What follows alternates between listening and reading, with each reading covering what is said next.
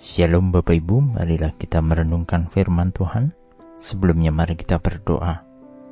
Tuhan, kami hendak merenungkan firman-Mu. Roh Kudus pimpinlah kami. Di dalam Tuhan Yesus, kami berdoa. Amin. Bacaan saat ini diambil dari Yohanes 12 ayat 37. Yohanes 12 ayat 37. Dan meskipun Yesus mengadakan begitu banyak mujizat di depan mata mereka, namun mereka tidak percaya kepadanya. Keyakinan seseorang biasanya akan semakin bertambah saat mereka melihat peristiwa dengan mata kepala sendiri. Namun, di zaman teknologi yang semakin maju saat ini, kita perlu berhati-hati tidaklah boleh juga mudah percaya akan sesuatu walaupun peristiwa itu disajikan secara visual. Karena kita sering melihat bahwa tayangan visual pun saat ini bisa juga dikutip potong per potong sehingga menimbulkan persepsi yang berbeda. Kita hendaknya bijaksana dalam menanggapi suatu informasi dan peristiwa, dan harus diyakini kebenarannya dan secara utuh dilihat dan diperhatikan, supaya kita tidak salah menanggapi dan menyimpulkannya. Bacaan saat ini mengisahkan tentang banyaknya orang Yahudi yang tidak percaya, walaupun Tuhan Yesus telah mengadakan banyak mujizat di depan mereka. Artinya, orang Yahudi melihat banyak hal dan peristiwa yang secara duniawi tidaklah mungkin dilakukan oleh manusia biasa tetapi hal itu tidak mengubah keyakinan mereka bahwa yang mereka lihat adalah kuasa Tuhan. Ketika kita membaca Alkitab, di mana di sana dikisahkan bahwa Kristus mati sebagai korban penebusan dosa, dosa manusia.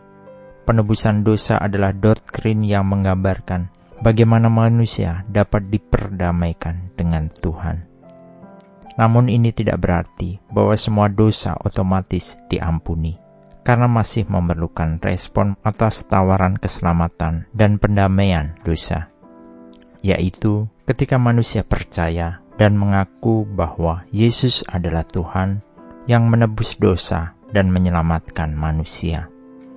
Sama seperti bacaan saat ini, orang Yahudi tidak merespon hal yang Tuhan sudah lakukan mereka tidak tergerak untuk percaya, malahan mereka menyudutkan dan menghujat Tuhan, bahkan menyalibkannya.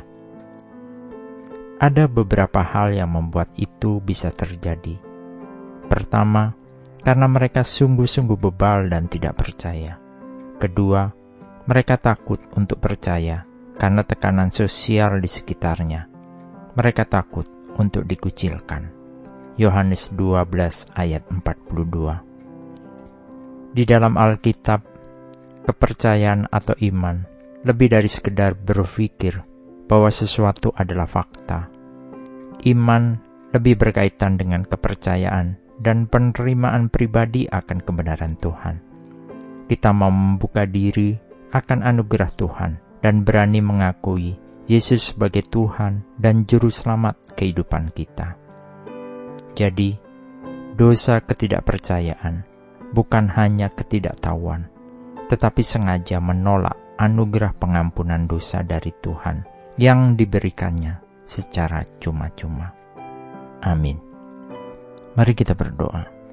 Bapa Surgawi, betapa kami bersyukur untuk anugerah keselamatan di dalam hidup kami.